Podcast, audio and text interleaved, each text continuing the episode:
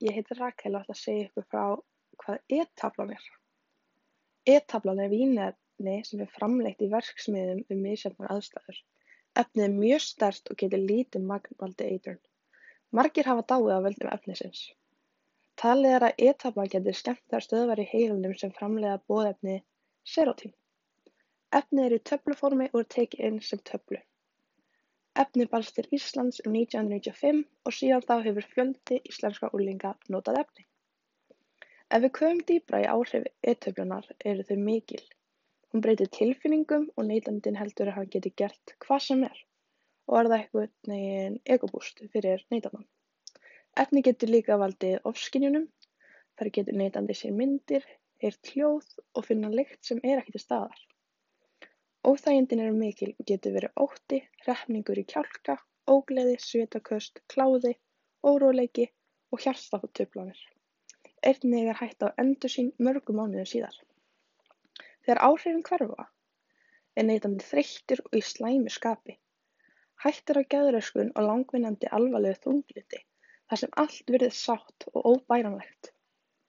Neyslan getur leitt til varanlegs heilaskaða og skemmda á nýrum, hjarta og lifrum.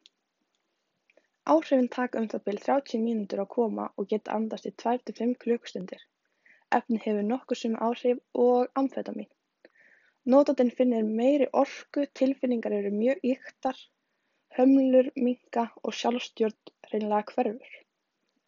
E-töflu eitrun getur verið lífshættuleg. Henni fylgir hár hiti, innvortsblæðingar, nýrum gefa sig og þetta getur leitt til dauða. Ekki nægir að drekka mikið vatn því afleiðingar á neyslunni er svo alvarleg og vatn hjálpar hreinlega bara ekki.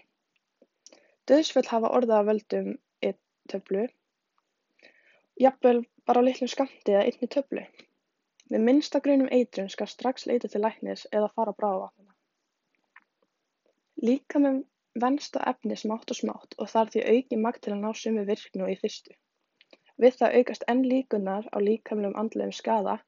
Ekki er vitað með hversu fljótt vanabindandi fíkn myndast. Förum aðeins í tilraunir sem hafa gert við um e-pillur eða MDMA eins og það er þekkt líka. Hefur verið sýnt á tilraunum að MDMA minnkar byrðir heilans af serótín hjá tilraunadýrum. Þessi eituráhrif eru í réttu hlutfalli við skammtastærð. Taugaendarnir virðast taka efnið upp líkt og það væri boðefni. Við það losast serótónín og taugaendum svo kröfttulega að serótónínskorturinn kemur skyndilega fram.